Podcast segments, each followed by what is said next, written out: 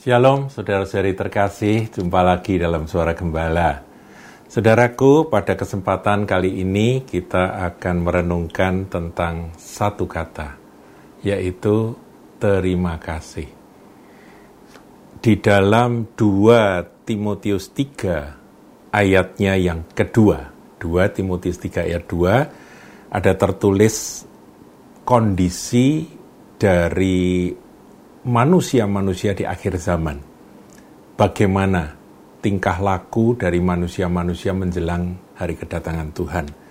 Dikatakan seperti ini. Saya bacakan mulai ayat 1 supaya gambarannya lebih lengkap.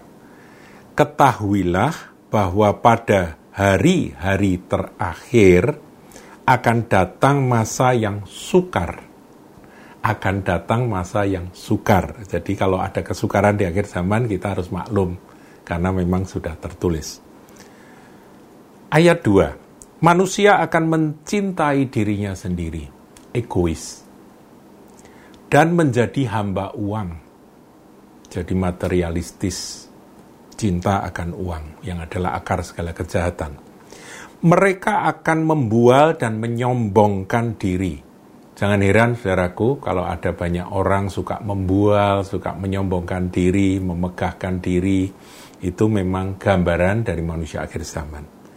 Mereka akan menjadi pemfitnah. Nah, sekarang ini eh, para buzzer yang disebut buzzer, ya ada buzzer yang mempertahankan yang baik, yang benar, ada juga buzzer yang memang sengaja hanya ingin ngaco dengan hoax-hoaxnya, ya itu memfitnah saudaraku. Fitnah itu dilancarkan dengan ringan begitu aja, mereka cerdik untuk memelintir akan sebuah pernyataan kemudian dijadikan itu fitnah.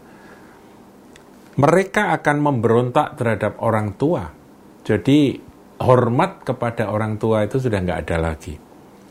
Dan ya ini poin ini, tidak tahu berterima kasih. Jadi gambaran dari manusia di akhir zaman itu salah satu cirinya adalah mereka tidak tahu terima kasih dan tidak memperdulikan agama. Jadi tidak ada takut akan Tuhan. Dan tidak tahu berterima kasih ini saudaraku, ini kita harus jaga betul. Di dalam uh, hidup kita sebagai anak-anak Tuhan, kita ini harus menjadi orang yang tahu berterima kasih. Tuhan akan menaruh akan perhatian dan kepeduliannya pada orang-orang yang tahu berterima kasih berterima kasih pada Tuhan yang telah menebus kita, yang telah mengasihi dan memberkati kita, tetapi juga berterima kasih kepada mereka-mereka yang dipakai Tuhan untuk menolong kita. Jadi, saudaraku, tahu berterima kasih adalah salah satu karakter yang diharapkan Tuhan ada pada kita anak-anaknya. Ada sebuah kisah, kisah nyata, saudaraku, sebuah peristiwa, dikatakan ketika kapal yang bernama Lady Elgin itu melaju di perairan di Danau Michigan, dia bertabrakan. Kapal itu bertabrakan dengan kapal atau ya perahu besar pengangkut balok-balok kayu. Dan tabrakannya begitu keras sehingga kapal Lady Elgin ini karam, saudara. Nah, penumpangnya banyak, saudara. Totally ada 393 penumpang. Dan mereka, ya, bingung, saudara. Ya, yang bisa berenang, berenang. Yang nggak bisa berenang, ya, ya tenggelam, saudaraku ya. Ya, ada juga yang uh, apa berusaha untuk berteriak-teriak uh, dalam kepanikan minta pertolongan di Danau Michigan itu. Pada waktu itu musim dingin, saudaraku, jadi air danau itu seperti air es, saudara. Dan akibatnya tercatat dalam kisah kecelakaan itu 279 orang tewas tenggelam. Dari 393, 279 meninggal. Nah, ketika kepanikan itu terjadi, ada seorang mahasiswa yang menjadi pahlawan, saudaraku. Dia namanya Edward Spencer. Dan mahasiswa ini terjun, dia dia jago renang, saudaraku. Dia terjun menolong satu orang, terjun lagi nolong orang lain. Terus dia lakukan itu sampai 17 orang diselamatkan. Berulang kali dia lakukan itu tanpa peduli akan dirinya sendiri. Dan akhirnya dia pingsan karena kelelahan. Dan juga karena air danau yang sangat dingin itu. Ketika dia sadar, ternyata dia sudah ada di rumah sakit dan kondisinya parah, saudara. Dia mengalami cacat seumur hidup, di mana dia nggak bisa jalan lagi, dia harus duduk di kursi roda seumur hidup.